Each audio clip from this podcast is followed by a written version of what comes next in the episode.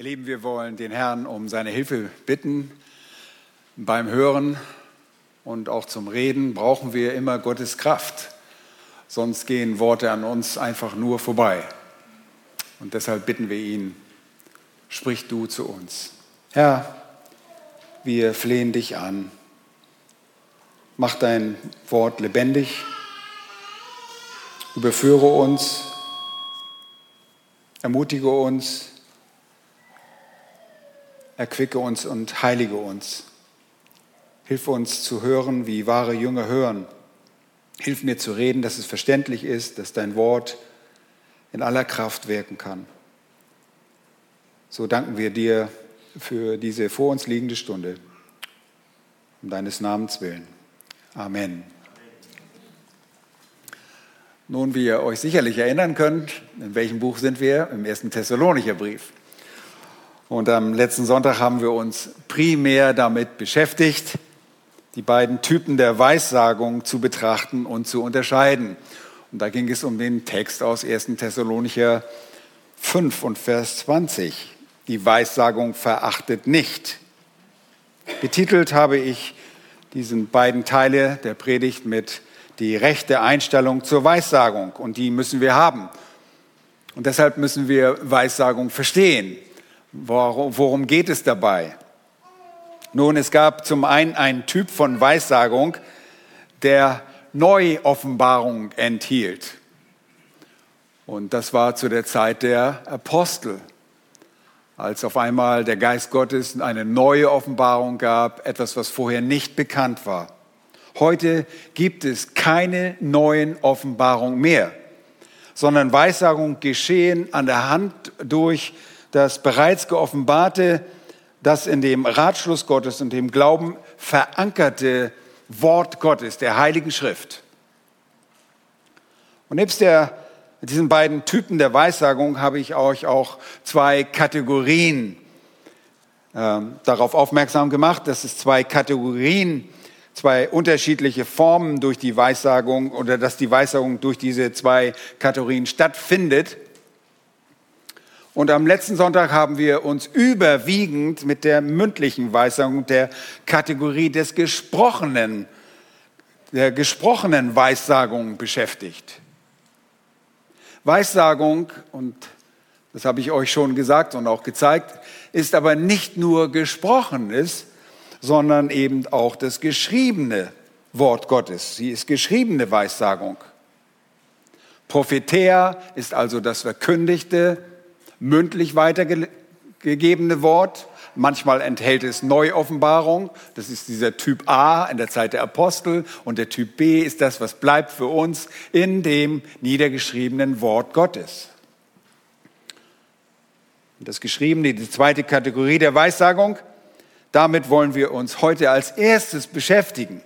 Danach stellen wir uns noch zwei Fragen, die uns dabei helfen sollen, dem Gebet unseres oder dem Gebot, nicht dem Gebet, dem Gebot unseres Bibeltextes gerecht zu werden. Da heißt es nämlich, die Weissagung verachtet nicht. Wie wollen wir die rechte Einstellung zur Weissagung haben oder wie sollen wir sie haben? Aber zunächst einmal Punkt 1, Weissagung als das geschriebene Wort Gottes. Weissagung als das geschriebene Wort Gottes. Und es gibt mehrere Beispiele im Neuen Testament, wo das Wort Prophetea als für eine schriftliche Offenbarung verwendet wird. Bitte geht mit mir zu äh, Matthäus Kapitel 13, Matthäus Evangelium Kapitel 13.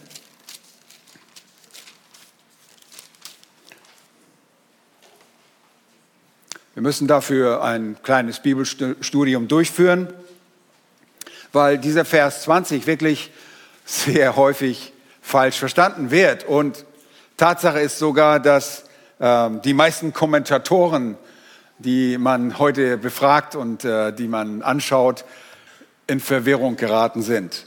Matthäus 13 und Vers 14, dort findet ihr wieder das Wort Propheter.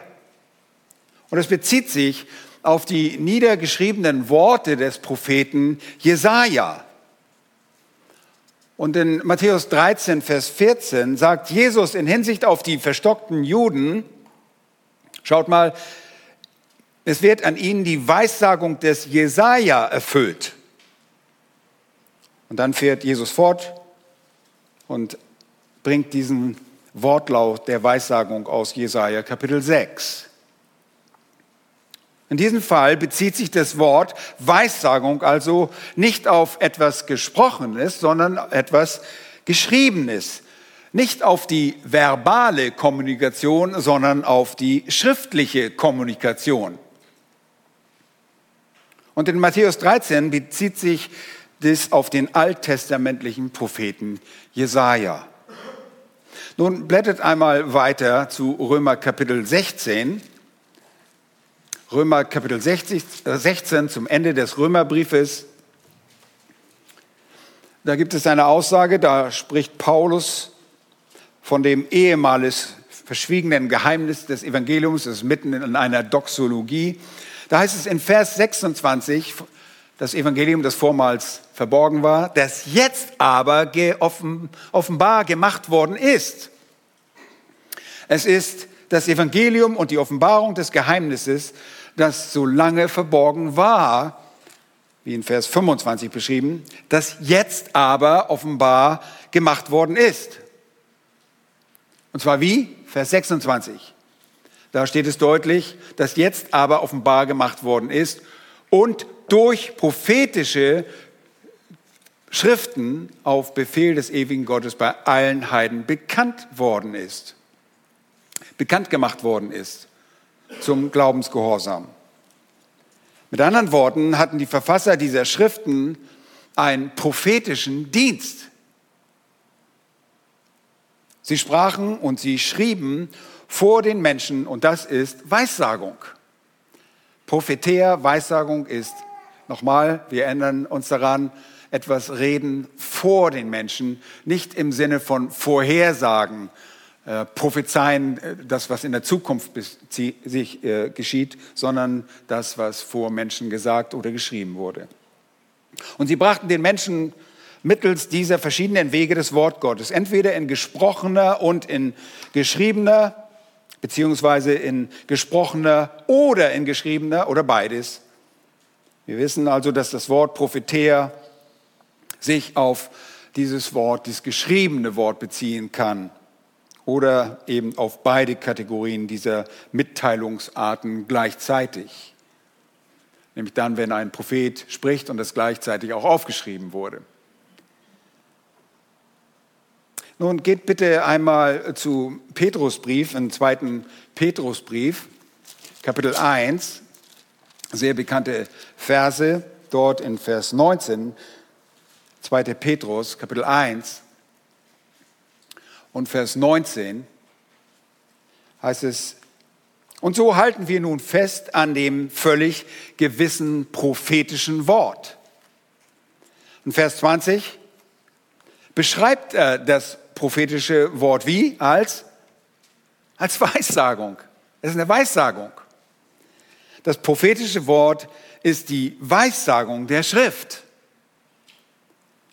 Und hier finden wir denselben Begriff wie zuvor bei mündlichen Weissagung, aber diesmal bezieht es sich auf die inspirierte Schrift, auf die Heilige Schrift.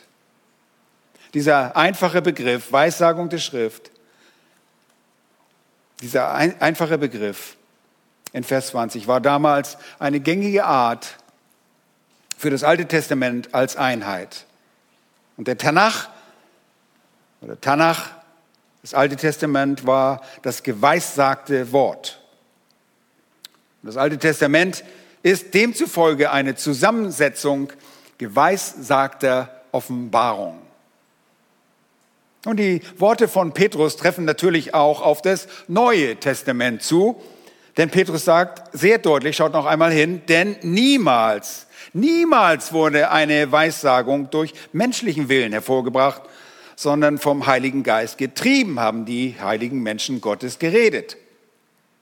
Hier sagt Petrus also grundsätzlich über die vom Heiligen Geist gewirkten Weissagungen, die ihren Niederschlag in der niedergeschriebenen Schrift finden, dass dies Weissagungen sind. Und da sehen wir einen Zusammenhang zu dem Vers 19 in Kapitel 5 des ersten Thessalonicher Briefes.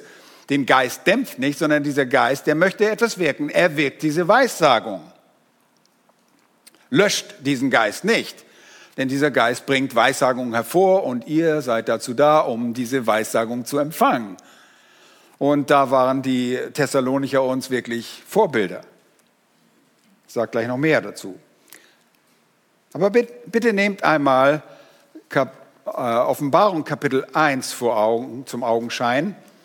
Äh, Offenbarung Kapitel 1. Und da lesen wir in Kapitel 1, Vers 3, dass Johannes dort von der Offenbarung spricht und bezieht sich auf das Buch. Und er schreibt, glückselig ist, der die Worte der Weissagung liest und die sie hören und bewahren.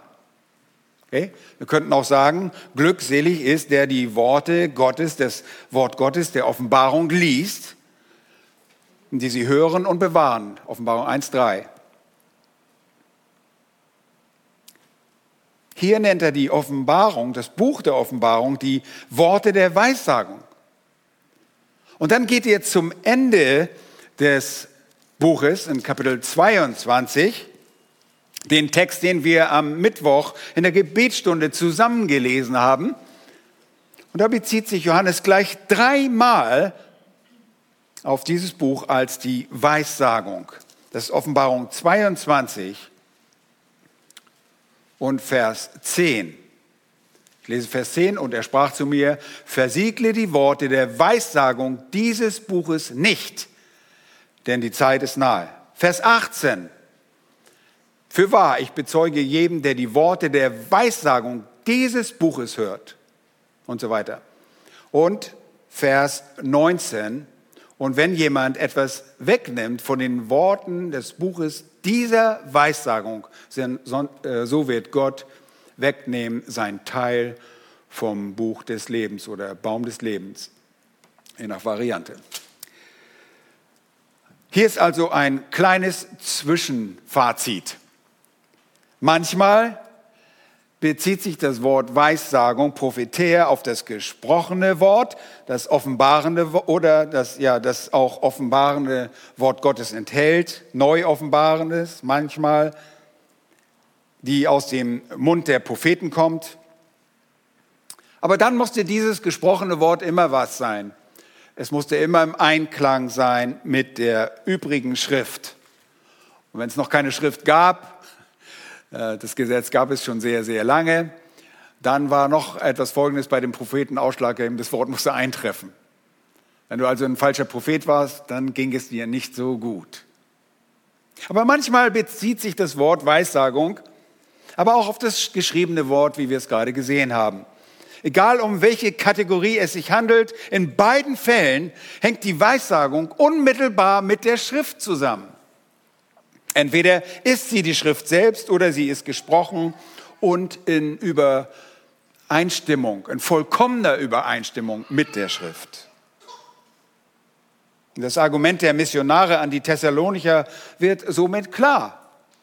Wenn sie sagen, die Weissagung verachtet nicht, dann sollten sie damit auch ganz deutlich auf das Wort Gottes achten. Seht auch nicht auf die schriftlich niedergelegte Offenbarung herab, sollte das bedeuten. Achtet sie nicht gering.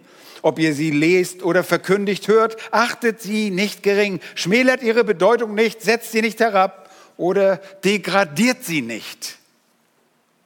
Hiob in Kapitel 13, Vers 12, 23, Vers 12 sagte er, schätzte das Wort Gottes mehr als seine eigenen Grundsätze. Und Jeremia verschlang das Wort Gottes als seine Speise und das mit sehr großer Freude. Jeremia 15, Vers 16. Und ihr kennt sicherlich das Gebot Jahwes an Josua. In Josua Kapitel 1 und Vers 8, wo es heißt, lass dieses Buch des Gesetzes nicht von deinem Mund weichen, sondern forsche darin Tag und Nacht, damit du darauf achtest, alles zu befolgen, was darin geschrieben steht. Dann, dann denn dann wirst du gelingen haben auf deinen Wegen und dann wirst du weise handeln. Im fünften Mose erteilt Jahwe den Israeliten sehr klare Anweisungen, nämlich, dass sie sein Wort mit absoluter Hingabe behandeln sollten. Und er spricht durch Mose. Mose erteilt dieses, äh, dieses Gebot an die zweite Generation, an die äh, jüngere Generation, die jetzt vor der Landeseinnahme steht. Und da heißt es in 5. Mose 6, die Verse 6 bis 9, und diese Worte, die ich dir heute als Volk praktisch gebiete, sollst du auf deinem Herzen tragen und du sollst sie deinen Kindern einschärfen und davon reden, wenn du in deinem Haus sitzt oder auf dem Weg gehst, wenn du dich niederlegst und wenn du aufstehst. Und du sollst sie zum Zeichen auf deine Hand binden und sie sollen dir zum Erinnerungszeichen über den Augen sein. Und du sollst sie auf die Pfosten deines Hauses und an deine Tore schreiben. Ja, wie Gott sagt damit, füllt euer Leben einfach nur mit dem Wort Gottes. Und das ist, was der Psalmist sagt im Psalm 1, wenn er sagt, wohl dem, der nicht wandelt nach dem Rat der Gottlosen, sondern seine Lust hat am Gesetz Jahwes. Der Mensch, dessen Leben völlig dem Wort gewidmet ist, der seine Lust an Jahwes Gesetz hat, wie heißt es, und der Tag und Nacht über Gottes Gesetz nachsinnt, dem wird es gelingen. Das ist ein gottesfürchtiger Mensch. Und wir sehen nicht auf die Schrift herab. Wir sollen die Schrift nicht verachten. Wir sollen Weissagung nicht verachten. Wir sehen nicht auf die Schrift herab. Wir verherrlichen und erheben sie. Wir ehren sie. Und das ist die rechte Einstellung zur Heiligen Schrift. Wohl den, deren Weg untadelig ist, die wandeln nach dem Gesetz Jahwes. Wohl denen, die seine Zeugnisse bewahren, die ihn von ganzem Herzen suchen. Das ist Psalm 119, Vers 1 und 2. Und der Psalmist sagt dort später im Psalm 119, Vers 97, wie hab ich dein Gesetz so lieb? Ich sinne darüber nach den ganzen Tag. Das ist die rechte Art und Weise, mit dem Wort Gottes umzugehen. Es nicht auf, nicht auf es herabzusehen, es zu degradieren. Und das Gebot in 1. Thessalonicher 5 ist deshalb eine ernsthafte Ermahnung für uns, die wir heute auch Weissagung haben die geschriebene Weissagung des Wortes Gottes und die verkündigte, wenn sie in Ein Übereinstimmung mit dem Wort Gottes ist, aber nicht als eine Neuoffenbarung. Euch wird vielleicht etwas neu klar, aber das ist nicht etwas, was Gott neu gesagt hat. Das Wort Gottes mahnt, die Heilige Schrift mahnt, sie warnt vor der Vernachlässigung dieser Worte, der Worte Gottes. Und es mahnt, die Schrift mahnt uns heute zu einer ernsthaften Betrachtung der Heiligen Schrift. Setzt das Wort Gottes nicht herab. Und das bedeutet für uns im Kehrschluss, behandelt die Heilige Schrift mit höchstem Respekt. Und das ist, wozu Vers 20 uns heute nach wie vor auffordert. Und ihr Lieben, nur wahre Christen können dieser Aufforderung nachkommen. Und nur uns ist es möglich, diese Worte zu beachten und sie zu Herzen zu nehmen. Im 2. Korinther, im 1. Korinther Kapitel 2 und Vers 10 lesen wir, dass Gott sich uns Kindern allein durch den Geist offenbart hat. Uns allein, uns, den Kindern Gottes allein hat er sich geoffenbart. Nicht der Welt, nicht den Ungläubigen. Jedenfalls nicht in einem errettenden Sinn. Gott offenbart sich so sehr wohl durch seine Schöpfung, aber uns hat er durch den Geist sein Wort aufgeschlossen. Im Gegensatz dazu, in Vers 14 heißt es dort in 1. Korinther 2, Vers 14, der natürliche Mensch, das heißt ein Unbekehrter, ein Nichtchrist, Egal, was du weißt über das Wort Gottes, Egal, was du schon gehört hast, wenn du nicht deine Knie gebeugt hast, verstehst du dieses Wort gar nicht. Du denkst immer, das ist eine Verpflichtung, ich muss das tun, ich sollte das tun und ich sollte so aussehen, ein Christ müsste so aussehen. Nein, nein, du, du hast keine Ahnung. Wenn du ein unbekehrter Mensch bist, der sich Gott nicht hingegeben hat, dann vernimmst du nichts von dem Geist Gottes. Da heißt es, der natürliche Mensch aber nimmt nicht an, was vom Geist Gottes ist. Denn es ist ihm eine Torheit. Und er kann es nicht erkennen, weil es geistlich beurteilt werden muss. Der nicht wiedergeborene kann die Schrift weder verstehen und schon gar nicht kann er sie verherrlichen, schon gar nicht kann der Ungläubige die Schrift erheben. Es ist unmöglich. Martin Luther sagte wohl einst, dass der nicht wiedergeborene wie eine Salzsäule ist, wie die Frau von Lot. Eine solche Seele ist wie ein Klotz und ein Stein, wie eine leblose Statue, die sich weder ihrer Augen noch ihres Mundes, weder ihrer Sinne noch ihres Herzens bedienen kann, bis eine solche Person sich bekehrt und vom Heiligen Geist wiedergeboren wird. Ihr Lieben, das, das Beste und das meiste, was der nicht wiedergeborene Mensch tun kann, ist quasi auf dem Einband der Schrift zu kauen. Das wäre in meinem Fall auf Ziegenleder. Äh, auf dem Ziegenleder herumzukauen, ohne sich selbst von der Schrift nähren zu können. Ohne jemals wirklich sich von deren Inhalten zu ernähren. Nur äußerlich kann er die Schrift verstehen. Und der dänische Philosoph Sören Kierkegaard machte einmal eine sehr verständliche Illustration, brachte eine sehr verständliche Illustration zu der falschen Annäherung der Schrift. Und er blickte sich um und er betrachtete all diese akademischen Theologen, die vorgaben, Bibelgelehrte zu sein, indem sie eine Schicht der Wissenschaft, einer Pseudowissenschaft, muss ich sagen, wieder die andere in die Erklärung der Schrift einfügten, so dass ihnen das Wort nie selbst als ein Spiegel dienen konnte und kann. Kierkegaard ist tot. Ihr Verhalten gegenüber der Heiligen Schrift war laut Kierkegaard, Zitat, wie etwa ein Knabe sich ein Polster unter seiner Hosen macht, weil Prügel auf ihn warten. Zitat Ende. Ihr Lieben, diese scheinbar tiefschürfenden Theologen nehmen ihre ganzen Bücher und polstern damit gegen die Wirkung des Wortes Gottes.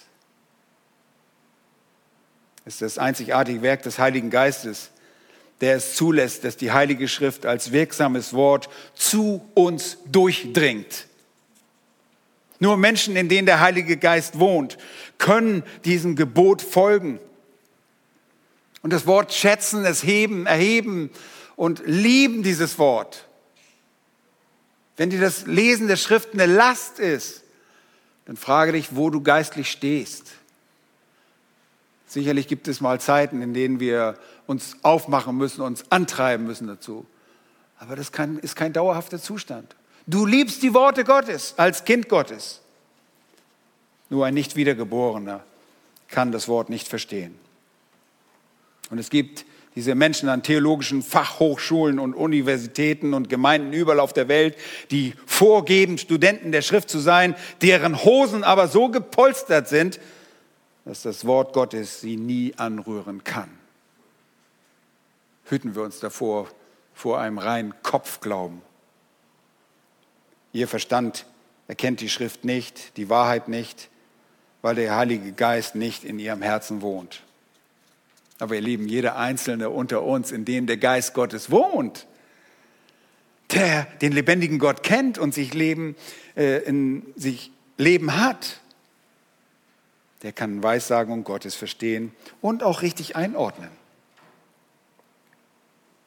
Die Menschen, die die Richtigkeit, die Autorität, die Inspiration und die Irrtumslosigkeit der Schrift leugnen, zeigen damit nur, dass sie gegen dieses Gebot in Vers 20 verstoßen. Sie verachten die Weissagung Gottes. Und da heißt es deutlich, die Weissagung verachtet nicht. Erinnert euch, das ist ein Plural, Weissagung verachtet nicht setzt die Schrift nicht herab, degradiert sie nicht, achtet sie nicht für gering. Ihr Lieben, wenn ihr die Weissagung verachtet, dann ist es unmöglich, das heißt, es ist nicht möglich, ein christliches Leben zu führen und Gott zu ehren. Unmöglich. Religiöse Menschen gefallen Gott nicht.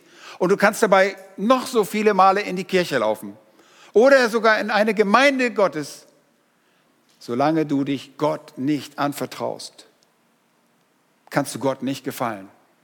Und das ist der Hauptzweck unseres Lebens. Dazu sind wir berufen als Kinder Gottes, ihm zu ehren. Und wenn wir das Wort, die Weissagung verachten, dann verfehlen wir genau diesen Zweck. Ihr Lieben, das Wort Gottes, die Weissagung sind der einzige Kompass, die einzige Richtschnur, das einzige Handbuch, das wir besitzen, um klarzukommen in dieser Welt und Gott zu ehren. Alles, was euch sonst übrig bleibt, sind nur wertlose menschliche Bemühungen, gute Taten, mit denen man sich den Weg in den Himmel bahnen möchte. Aber ihr wisst, wo dieser Weg endet. Er endet nur in der ewigen Verdammnis. Keiner dieser Taten ohne die wahre Umkehr, ohne deine Buße können Gott gefallen.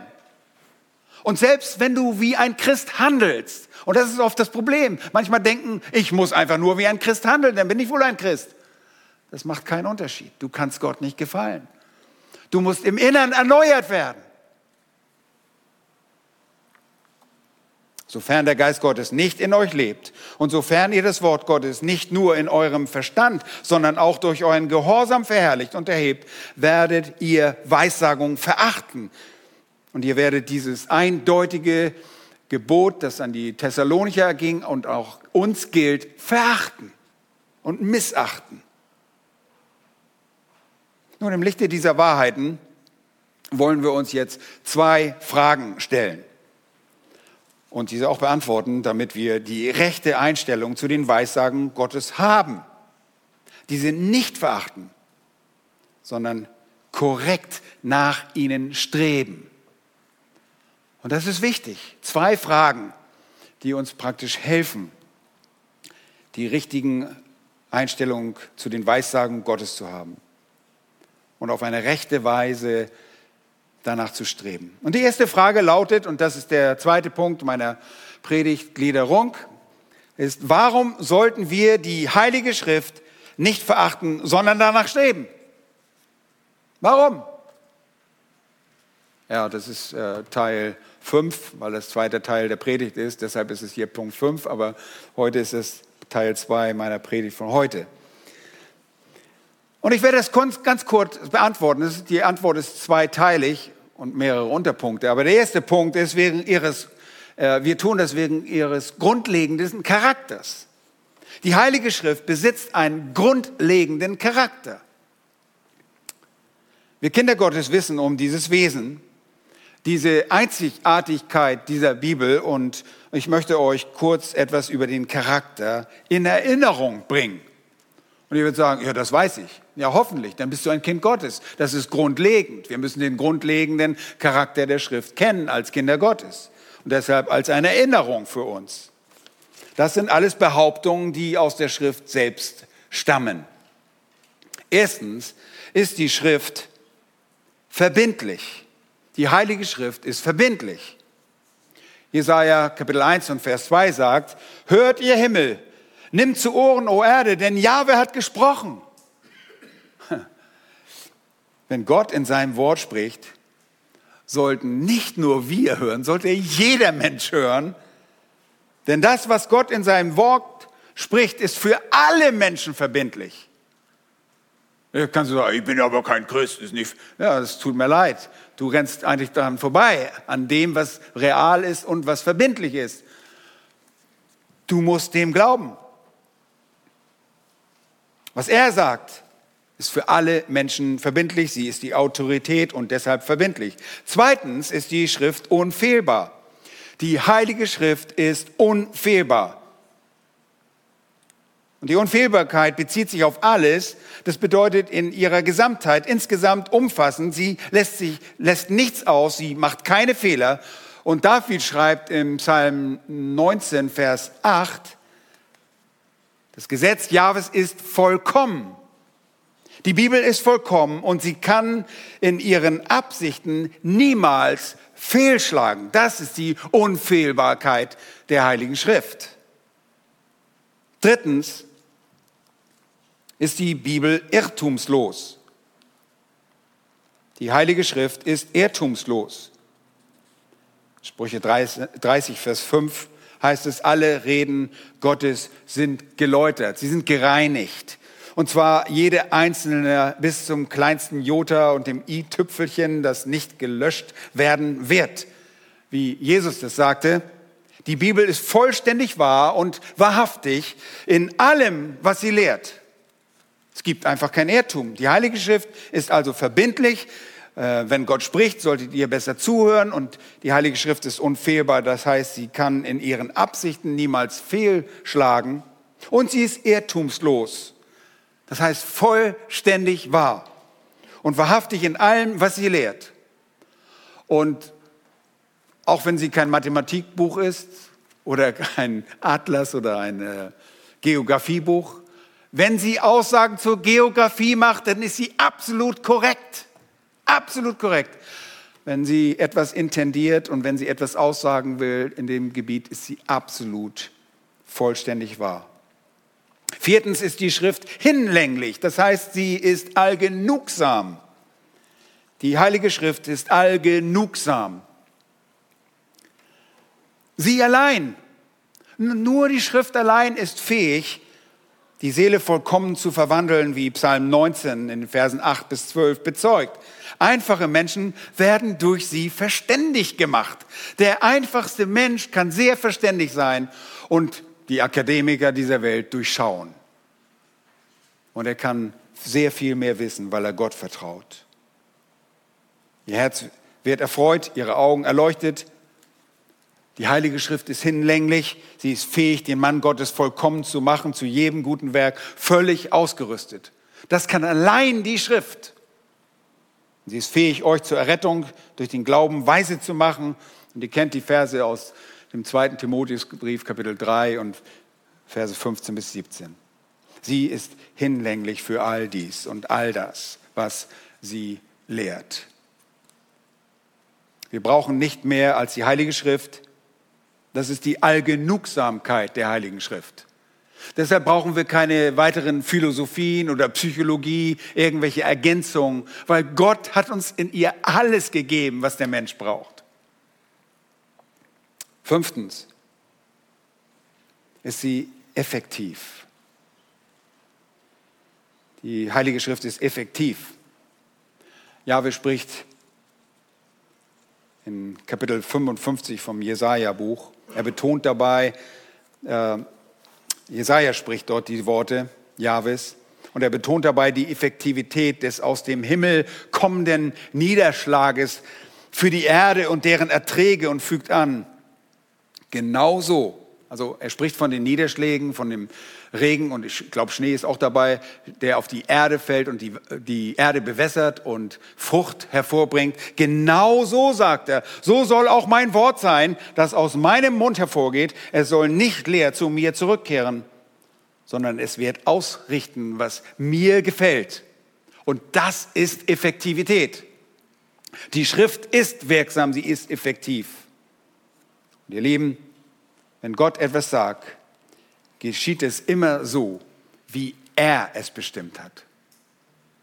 Das Problem ist, wir wünschen uns oft anders und denken, oh, es ist nicht eingetroffen. Gott bestimmt, was geschieht, nicht du und ich.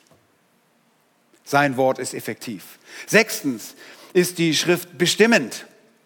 Die Heilige Schrift ist bestimmend. Das heißt, dass eure Reaktion auf das Wort Gottes euer ewiges Schicksal bestimmt. Wer aus Gott ist, der hört auch auf die Worte Gottes. Wer aus Gott ist, der hört auf die Worte Gottes. Wenn ihr euch nicht auf sie hört, dann deshalb, weil ihr nicht aus Gott seid. Jesus sagte, meine Schafe hören auf meine Stimme. Wo ist diese Stimme? Das ist das Wort Gottes, das wir heute in der Bibel vor uns liegen haben. Und wenn jemand kommt und die Autorität und die Unfehlbarkeit und die Irrtumslosigkeit, die Allgenugsamkeit und Effektivität der Schrift leugnet, dann offenbart er lediglich damit seinen geistlichen Zustand. Wer nicht auf die Worte Gottes hört, gehört nicht zu Gott. Das ist ziemliche Schwarzmalerei, eine Schwarz-Weiß-Malerei. Ne? Aber so ist es. Du musst Stellung nehmen zu der Heiligen Schrift. Und das hat Jesus gesagt. Wer meine Worte nicht hört, der gehört nicht zu mir. Wenn wir aber auf die Worte Gottes hören, und dazu zählt auch das Gehorchen, also nicht nur, ja, ich kann das hier hören, sondern auch Gehorchen, dann gehören wir zu Gott. Die Schrift ist bestimmt, weil sie unser ewiges Schicksal festlegt. Warum also sollten wir die Schrift nicht verachten, sondern danach streben? Weil sie grundlegenden Charakter hat. Und diese Punkte waren die Punkte dieses grundlegenden Charakters. Zweitens wollen wir sie nicht verachten, weil sie von großem Nutzen ist. Wer möchte nicht großen Nutzen haben von irgendetwas?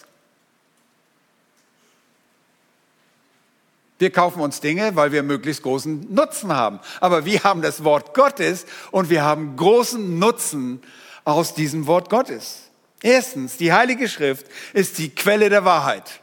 Was für eine wunderbare Aussage. In Johannes 17, 17 sagte Jesus zum Vater, dein Wort ist Wahrheit. Das ist eine Realität.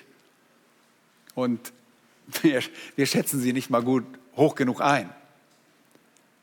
Wenn wir das immer vor Augen haben, wir haben die Wahrheit auf unserer Seite. Das ist eine wunderbare Quelle, die Wahrheit zu kennen. Kein Mensch auf dieser Welt kennt die Wahrheit, nur der, das Kind Gottes, weil Gott sie uns geoffenbart hat. Das ist ein Nutzen, oder? Sonst würden wir ja sagen, lasst uns feiern, denn morgen sind wir tot. Heute Abend machen wir eine Party, wer kommt? Lasst uns richtig einsaufen. Aber nein, wir kennen die Wahrheit.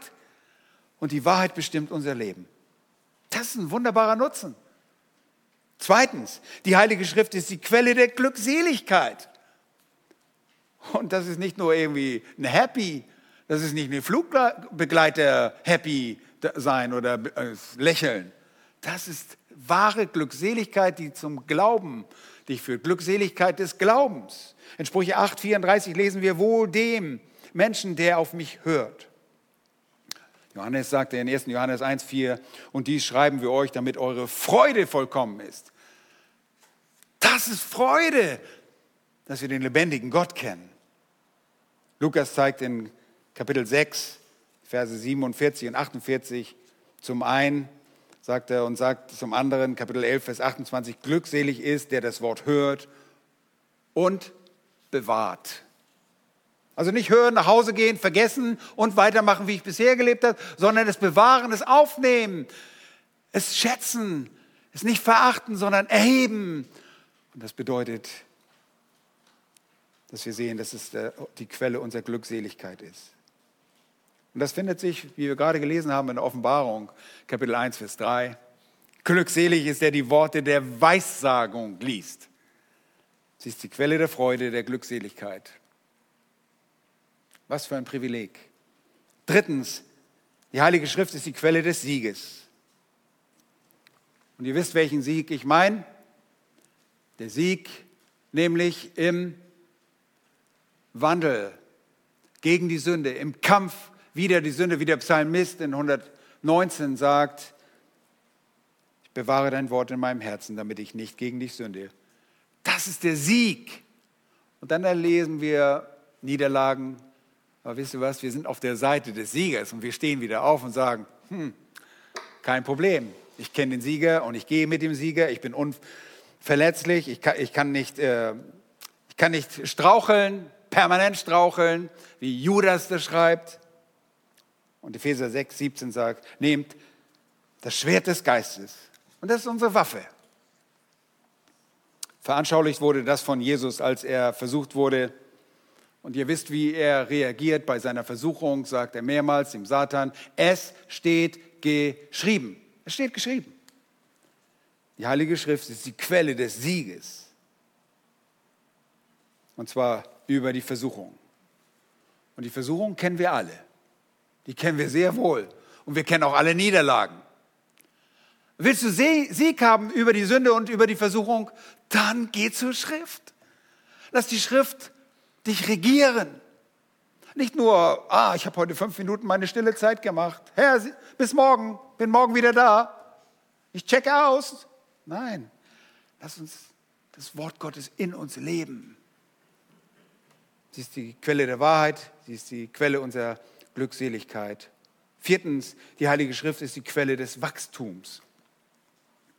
Und auch das ist so ein wunderschön anschauliches Bild, besonders in einer Gemeinde, in der es viele junge Kinder gibt und wir wissen, dass die Kinder gestillt werden. Und Petrus sagt im 1. Petrusbrief, Kapitel 2, Vers 2, seid als neugeborene Kindlein begierig nach der unverfälschten Milch des Wortes, damit ihr durch sie heranwachst. Oh, und zieht einem Kind die Muttermilch und dann ist aus.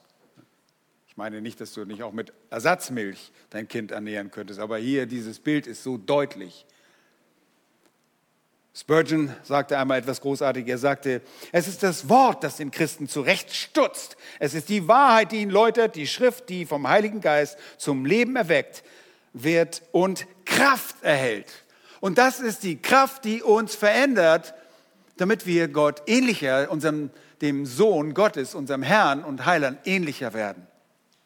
Und das ist wahr. Das Wort läutert, es reinigt. Und das ist der Schlüssel zum Wachstum. Wir wollen wachsen. Ich meine, wir finden alle Kinder niedlich, aber das ist beim, im Christsein ein bisschen anders. Manchmal würden wir sagen, oh, ich wünsche, unsere Kinder würden immer so klein sein, obwohl Eltern die Windel wechseln, die sagen, oh, hoffentlich ist die Zeit bald vorbei. Nein, aber wir wollen keine Gläubigen als Säuglinge die ganze Zeit und sagen, ich habe dir das doch schon zehnmal gesagt. Wir wollen, dass ihr wächst, im Glauben vorankommt. Und das ist die Schrift, die ist Quelle des Wachstums. Und keiner von uns wächst im Glauben, wenn wir nicht uns der Bibel widmen. Ganz einfach. Sagst du, oh, ich kapiere das alles, ich bin noch nicht so reif. Ich sage, ja, dann lies die Bibel, studier die Bibel, lieb die Bibel, lieb den Herrn, der dir dieses Wort gegeben hat. Und das Wort, die Heilige Schrift, ihr Lieben, ist nicht nur irgendwie eine Wahrheit, sondern die einzige Wahrheit. Sie ist die einzige Quelle der Wahrheit, die einzige Quelle der Glückseligkeit und die einzige Quelle des Sieges und die einzige Quelle des Wachstums. Ihr Lieben, da gibt es keine Ersatzmilch. Da gibt es keine Ersatzmilch. Ihr könnt nicht sagen, ja, ich, ich habe da ganz tolle christliche Bücher und die helfen mir wirklich äh, zu, weiterzukommen und so. Die Bibel braucht ihr. Diese Bücher können nur die Bibel erklären. Ihr braucht die Bibel selbst und die Zusammenhänge der Bibel. Auch nicht nur ein paar Prinzipien lernen, dass ihr sagen könnt, oh, ich habe mich wie ein Christ verhalten, ich bin echt gut. Oh.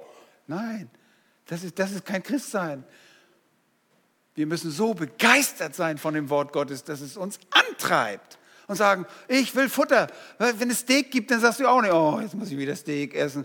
Wir sind begeistert, oder? Wenn der Grill raucht und oh, so, so müssen wir uns nach dem Wort ausstrecken. Dann wachsen wir. Fünftens, die Heilige Schrift ist die Quelle der Führung. Psalm 19, Vers 9 besagt, dass das Wort richtig ist und das bedeutet, dass es uns den richtigen Weg zeigt. Und es ist der richtige Weg, auf dem wir wandeln sollen. Psalm 119, Vers 105 sagt, dass es ein Licht auf diesem Weg, auf dem der Herr uns führt, ist. Meine Güte, ist es schwierig, auf dunklen Wegen zu gehen. Wenn es pitch dunkel ist, richtig schwarz um euch herum ist. Und so viele Gefahren unter euch, um euch herum sind, dann ist das Wort Gottes das Licht. Es ist die Lampe, die den Weg erleuchtet. Es ist der Weg, auf dem wir wandeln. Und es macht uns weise. Es offenbart Gottes Willen. Und es ist auch hier nur die einzige Quelle, die einzig wahre Quelle der Führung. Sechstens, die Heilige Schrift ist die Quelle der Hoffnung. Also wenn ihr mich fragt, ohne die Schrift würde ich meine Sachen einpacken und wer weiß, wo ich wäre. wenn ich nicht die Hoffnung, und das ist nicht irgendwie so eine vage Hoffnung, aha, es könnte sein, morgen kommt wieder Regen und dann wird das äh, Gewächs und die Saat wachsen, die wir ausgestreut haben. Nein, nein, nein, nein. Mit Sicherheit. Sie ist die Hoffnung. Der Psalmist sagt in 119 immer wieder, ich hoffe auf deine Bestimmung. Ich hoffe auf dein Wort. In anderen Worten, ich vertraue ganz auf dein Wort. Das bezieht sich auf die Schrift. So ist die Heilige Schrift die Quelle der Wahrheit und der Glückseligkeit, des Sieges und des Wachstums, der Führung und der Hoffnung. Und ihr Lieben, wir könnten diese Liste noch beliebig verlängern, aber nicht in diesem Gottesdienst, bitte. Sonst werden wir nicht fertig. Wen wundert es, dass das Wort Gottes begehrenswerter ist als Honig und Honigsein? Und Gold, sogar Feingold. Nun, warum streben wir also nach dem Wort, nach der Heiligen Schrift? Einmal wegen ihres grundlegenden Charakters und zum Zweiten aufgrund ihres wunderbaren Nutzens. Oh, so ein großer Nutzen. Und die zweite Frage, und das ist der dritte Punkt, für unsere heute Predigtgliederung, der sechste insgesamt. Äh, zweite Frage, wie sollen wir nach der Heiligen Schrift, wie sollen wir nach Weissagung streben? Da fehlt ein N. Ja. Wie sollen wir nach der Heiligen Schrift streben? Wie könnt ihr sicher sein, dass ihr das Wort Gottes nicht verachtet? Nun, Ganz einfach. Es ist so banal, so einfach. Erstens, glaubt an die Heilige Schrift. Glaubt daran. Ihr sagt, ja, das tue ich doch. Oh, ich kann euch oft zeigen, dass wir nicht an das Wort Gottes glauben. Oft hadern wir und denken, oh, das kann nicht wahr sein. Das kann ich nicht annehmen. Das ist viel zu gut. Nun, Jesus appellierte immer wieder an die Menschen, glaubt mir und glaubt dem Vater. Glaubt an das, was ich sage. Johannes 5, 24 sagte er, wahrlich, wahrlich, ich sage euch, wer mein Wort hört und dem glaubt, der mich gesandt hat, der hat ewiges Leben und kommt nicht ins Gericht. Das muss man glauben. Wenn du es nicht glaubst, dann wirst du immer sagen, oh nee, nein, nein, das kann nicht sein. Nur glauben? Was sagt die katholische Kirche? Ja, glauben, das ist eine Gabe Gottes, aber du musst auch ein bisschen tun dazu. Du musst ja ein bisschen, vielleicht musst du einen äh, Ablass kaufen oder einen General. Ich habe gehört, es gibt Generalablässe. Äh, meine Güte, du kommst von heute auf morgen sofort in den Himmel und äh, aus dem Fegefeuer raus. Nee, nee, nee, nee. Du musst Gott allein glauben. Sola fide. Nur der Glaube allein rettet dich. Und wenn du denkst, dass du noch irgendwann besser wirst als Christ und äh, im Laufe der Jahre, ja, Borchmann, du bist ja schon so lange Christ und wahrscheinlich hast du dir jetzt langsam einen guten Platz im Himmel verdient. Oh nein, nein, nein, nein. Jeden Tag verdiene ich die ewige Verdammnis. Ich muss glauben, dass Gott meine Gerechtigkeit ist. Oh, und das ist manchmal schwer, weil ich meinen Dreck sehe, weil ich mein Herz sehe, mein verdorbenes Herz. Man könnte auch sagen, nehmt die Schrift an. Und unsere Antioch, aus Antiochia gesandten Missionare sagten zu den Thessalonicher, Hört mal, ist das nicht wunderschön? Darum danken wir auch Gott unablässig, dass ihr, als ihr das von uns verkündigte Wort empfangen habt, es nicht als Menschenwort aufgenommen habt, sondern als das, was es in Wahrheit ist, als Gottes Wort, das auch wirksam ist in euch, die ihr gläubig seid. Die waren richtige Vorbilder. Das sind Vorbilder von uns. Die haben geglaubt, die haben den, diesen verbalen Weissagungen, den nicht geschriebenen Weissagungen, die aus dem Mund von Paulus und Silas und Timotheus kamen, haben sie geglaubt. Und die haben gesagt, das ist das Wort Gottes, das müssen wir ernst nehmen, das nehmen wir an, das glauben wir. Glaubt den Weissagungen. Sie glaubten dem Wort und sind darin unser Vorbild. Zweitens, haltet die Heilige Schrift in Ehren. Haltet die Heilige Schrift in Ehren was ist damit gemeint? Erhebt es. Und ich meine nicht nur erhebt es hier so und steckt es in die Luft, sondern ehrt es in der Hinsicht, dass ihr diesem Wort gehorcht. Tut, was das Wort Gottes sagt. Wenn dir jemand was sagt und du tust, was die Person sagt, dann ehrst du diese Person. Und das Wort ist eine Person. Ihr kennt den Herrn Jesus Christus. Sein Name ist das Wort Gottes. Wir ehren ihn damit. Zum einen durch unseren Gehorsam und dann zum anderen, dass ihr das Wort Gottes nicht verfälscht. Auch das kann man tun. Und da sind viele Leute dabei, die verfälschen das Wort Gottes. Im 2. Korinther Kapitel 2 und Vers 17 schreibt Paulus, denn wir sind nicht wie so viele. Nicht nur ein paar, da sind nur ein paar, paar komische Typen, die da drehen da so ein bisschen. Das sind viele. Wir sind eher wenige, aber die vielen verfälschen das Wort Gottes. Und womöglich für ihre heimlichen Ziele benutzen sie dieses Wort. Paulus sagt in 2. Korinther 4, Vers 2, wir lehnen diese schändlichen Heimlichkeiten ab. Wir gehen nicht mit Hinterlist um. Wir fälschen, verfälschen auch nicht das Wort Gottes, sondern indem wir die Wahrheit offenbar machen, empfehlen wir uns jedem menschlichen Gewissen vor dem Angesicht Gottes. Es gibt nichts Verstecktes in unserem Herzen. Es gibt nur eine Sache. Wir möchten, dass dieses Wort Gottes bekannt wird. Alles, was dem nicht entspricht, das ist Sünde in unserem Leben und die räumen wir immer wieder aus. Aber unsere Absicht ist, dass wir die Schrift in Ehren halten. Und das führt zwangsläufig dazu, zu Punkt 3, liebt die Schrift. Im Psalm 119, Vers 97 habe ich schon gesagt, drückt der Psalmist sein Geneigtsein zum Wort Gottes aus und sagt, wie habe ich dein Gesetz so lieb?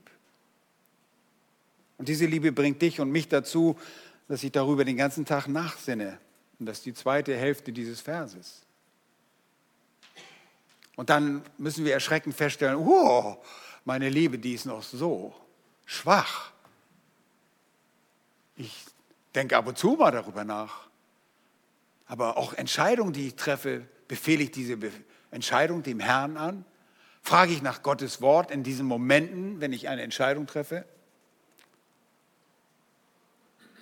wenn ihr zum Ende vom Psalm 119 gelangt, dann gibt es da wirklich nur eine Fülle von Aussagen, die dem Gedanken der Liebe widerspiegeln, so wie äh, Vers 140. Da sagt er, dein Wort ist wohlgeläutet und dein Knecht hat es lieb. Und das ist tiefe Zuneigung, intensives Verlangen. Das ist es, wonach Petrus, wovon Petrus sprach, wenn er sagt, begierig nach der äh, Milch zu sein als ein neugeborenes Kind. So soll euer Verlangen sein. Liebt das Wort. Viertens, befolgt den Anordnungen der Heiligen Schrift. Und das ist Gehorsam. Und die schlimmste Verhöhnung der Schrift, die wir dieser antun können, ist zu sagen, dass wir glauben und ihr dann nicht befolgen. Wir sagen, wir glauben das und unser Leben macht, in unserem Leben machen wir etwas anderes. Und das kennen wir alle. Wir kennen alle unsere Untreue, aber Gott bleibt treu. Da sagt Jesus, wenn ihr in meinem Wort bleibt, so seid ihr wahrhaftig meine Jünger. Johannes 8, 31. Und später sagt der Apostel in seinem ersten Brief in Kapitel 2 und Vers 6, wer sagt, dass er in ihm bleibt, der ist verpflichtet, auch selbst so zu wandeln, wie jener gewandelt ist. Und wie ist Christus gewandelt? Und das studiert ihr, das findet ihr raus in der Schrift. Er war dem Wort seines Vaters, dem Wort Gottes, vollkommen gehorsam. Und deshalb streben wir danach, ihm zu folgen. Und die meisten von euch kennen auch die Geschichte, die Jesus in Matthäus 7 über die zwei Baumeister und deren Häuser erzählte. Und weil einer dieser Baumeister sein Haus ohne Fundament baute, stürzte er es in der Flut ein. Das Haus des anderen hingegen, das mit einem Fundament erbaut wurde, das blieb stehen. Und der Unterschied bestand darin, dass der eine Baumeister dem Willen Gottes gehorsam war und tat, was Gott sagte, der andere hingegen nicht. Sei dem Wort Gottes gehorsam. Fünftens, setzt euch für die Heilige Schrift ein. Ich muss zugeben, in meiner Jugend wurde ich genau das Gegenteil, mit dem Gegenteil belehrt. Da sagt er, ja, wir sind Verkündiger des Wortes, aber wir müssen uns nicht für die Wahrheit des Wortes Gottes einsetzen. Er sagt Judas sehr deutlich in Judas 3, kämpft für den Glauben. Und wir wissen nicht mit fleischlichen Mitteln, wir holen nicht ein Schwert raus und äh, denken, wir müssen hier einen geistlichen Dschihad führen. Nein, wir kämpfen mit der Wahrheit und verteidigen die Wahrheit. Wir bemühen uns, die Lügen aufzudecken. Engagiert euch in dem Kampf für die Bibel, ringt danach, die Wahrheit zu bewahren und biblische Irrtümer aufzudecken. Äh, naja, biblische Irrtümer, das gibt es ja nicht. Äh, die Irrtümer, die gegen die Bibel gesagt werden, aufzudecken, das meinte ich damit. Uh, setzt euch für das Wort Gottes ein. Das biblische Irrtümer können wir nicht aufdecken, die gibt es nämlich nicht, haben wir vorhin gerade gesagt, sie ist irrtumslos. Aber wir setzen uns für, gegen diese irrtümlichen Lehren ein und sagen, hey, das stimmt nicht. Warum nicht? Weil hier steht geschrieben. Gott hat hier gesagt, das stimmt nicht. Und dafür setzen wir uns ein. Wir sagen nicht, naja, jeder nach seiner Fasson. Wenn dir das so gefällt, dann glaub das. Das ist so das, äh, die Einstellung, das Milieu in unserer Kultur. Jedem das Seine. Wenn du damit glücklich wärst und dich gut fühlst, das ist die Hauptsache. Wie du fühlst, so sollst du glauben und handeln. Nein, hier gibt es schwarz und weiß und deshalb kommen die folgenden Verse auch sehr passend. Da ist es, prüft alles. Prüft alles, prüft aber alles. Und zwar sehr sorgfältig müssen wir prüfen. Und darauf gehen wir dann nächsten Sonntag ein. Oder übernächsten Sonntag. So viel ich weiß, ist Daniel dran. Ist das richtig? Ja, sagt er. Gut, habe ich doch die Wahrheit gesagt. Und sei dem Wort Gottes gehorsam und kämpf für diese Wahrheit. Kämpf für den Glauben, kämpf für die Heilige Schrift. Sechstens, studiert die Heilige Schrift. Ja, ist das nicht was für Professoren oder für, für die Pastoren? Nein, nein, nein, nein. Ihr seid alle gefragt, Theologie zu kennen. Alle. Studiert es, wie Paulus sagt, um euch bei Gott als bewährt zu erweisen. Denn so wie du das Wort liest und verstehst, so wirst du handeln. Und wenn es verkehrt ist, wirst du garantiert verkehrt leben. Nochmals, aus der Orthodoxie erwächst die Orthopraxie. Erst richtig verstehen und dann handelst du recht. Und deshalb studiert die Heilige Schrift um, wie Paulus sagt, sich als ein bewährter Arbeiter zu erweisen, der nicht sich schämen braucht, der das Wort der Wahrheit recht schneidet. Als Zeltmacher musste er seine Zeltbahn recht schneiden, damit sie zusammengepasst hat. Das Wort Gottes recht teilen. Dieses Bild benutzt er. Seid wie die edlen Berührer, die täglich in der Schrift forschen, ob das gelehrte und verkündigte Wort Gottes dem der Missionare in Übereinstimmung mit dem gesamten Geschriebenen steht. Das macht ihr. Ihr schlagt eure Bibeln auf. Und dann, ich habe gehört, einige arbeiten das nach und die, die schlagen nach. Und dann gibt es vielleicht manchmal Fragen. Und sagen, warum sagt man denn das? Ja, der, der Weissagt da vorne und, und bringt das Wort Gottes. Das muss geprüft werden. Ja, glaubt nicht alles, was gesagt wird, sondern prüft selbst. Geht, wachst selber im Wort Gottes. Seid wie ein Apollos, von dem gesagt wird, lasst das, äh, von dem gesagt wird, dass er mächtig äh, war in den Schriften. Und schließlich, siebtens, verkündigt die Heilige Schrift. Und wenn ihr dem Wort Gottes gehorsam seid und treu glaubt, die Heilige Schrift in Ehren haltet und sie liebt, wenn ihr das Wort befolgt, euch für das Wort einsetzt, die Bibel studiert und sie verkündigt, werdet ihr es nicht gering schätzen. Liebe Gemeinde, ich habe im ersten Teil gesagt, dass wir gemeinsam danach streben müssen, nach dieser Weissagung. Gemäß 1. Korinther 14, Vers 1, erinnert euch, wir machen das gemeinsam. Das ist nicht nur einer, der irgendwo jetzt danach streben soll und jetzt habe ich die Weissagung erlangt und jetzt bin ich euer Oberguru und jetzt mache ich. Gemeinsam heißt, die Verkündigung der Heiligen Schrift in der Gemeinde anzustreben, vor den Menschen überall zu Priorität machen. Und dazu gehört der ganze Leib des Herrn. Wenn ihr das nicht wollt, dann steht nicht hier jemand, der predigt. Ihr könnt auch sagen, heute sind 30 Grad, ich gehe heute baden.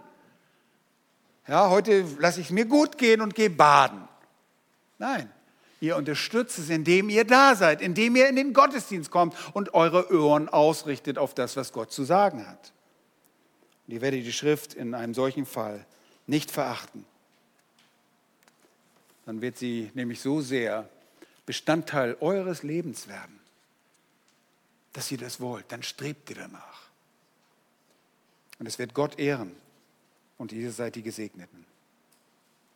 Und zum Abschluss möchte ich euch etwas erzählen, wie ein Martin Luther die Heilige Schrift studiert hat und damit die rechte Einstellung zur Heiligen Schrift in seinem Leben aufgezeigt hat. Und er sagte, Zitat, ich studiere meine Bibel, wie ich Äpfel ernte.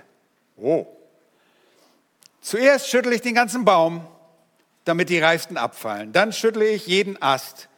Und wenn ich jeden, jeden Ast geschüttelt habe, schüttle ich jeden Zweig. Und anschließend schüttle ich jeden dünnen Zweig. Und danach sehe ich unter dem Blatt nach, unter dem Blatt, unter jedem Blatt nach. Ich erforsche die ganze Bibel als Ganzes, so wie ich den Baum als Ganzes schüttle. Dann schüttle ich jeden Ast, das heißt, ich studiere ein Buch nach dem anderen. Anschließend schüttle ich jeden Zweig. Das heißt, ich widme mich den einzelnen Kapiteln und schließlich schüttle ich jeden dünnen Zweig. Das heißt, ich studiere sorgfältig die einzelnen Absätze, Sätze, Wörter und Bedeutung. Das Wort ist so ein einzigartiges Buch. Wenn ich müde bin, ist die Bibel mein Bett. Im Dunkeln ist die Bibel mein Licht. Wenn ich hungrig bin, ist sie lebendiges Brot. Wenn ich furchtsam bin, ist sie eine Rüstung für den Kampf. Wenn ich krank bin, ist sie heilende Medizin. Wenn ich einsam bin, finde ich Scharen von Freunden darin. Wenn ich arbeiten würde, wäre die Bibel mein Werkzeug. Beim Musizieren ist sie die Harfe des melodischen Klangs. Wenn ich unwissend bin, ist sie meine Schule. Wenn ich sinke, ist sie mein fester Boden. Wenn ich friere, ist die Bibel mein Feuer.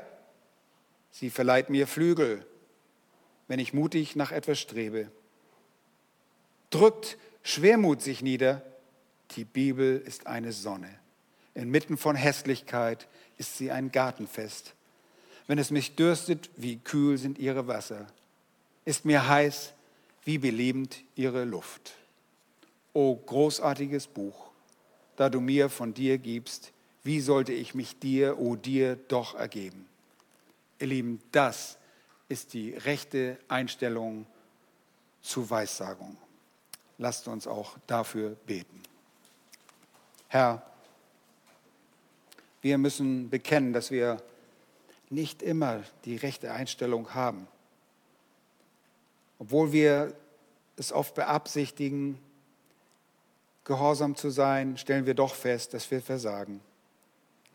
Und dass gute Anfänge vielleicht nicht weitergeführt worden sind, dass Dinge wieder eingeschlafen sind dass aus einem Neujahrsvorsatz nur noch ein wenig übrig geblieben ist.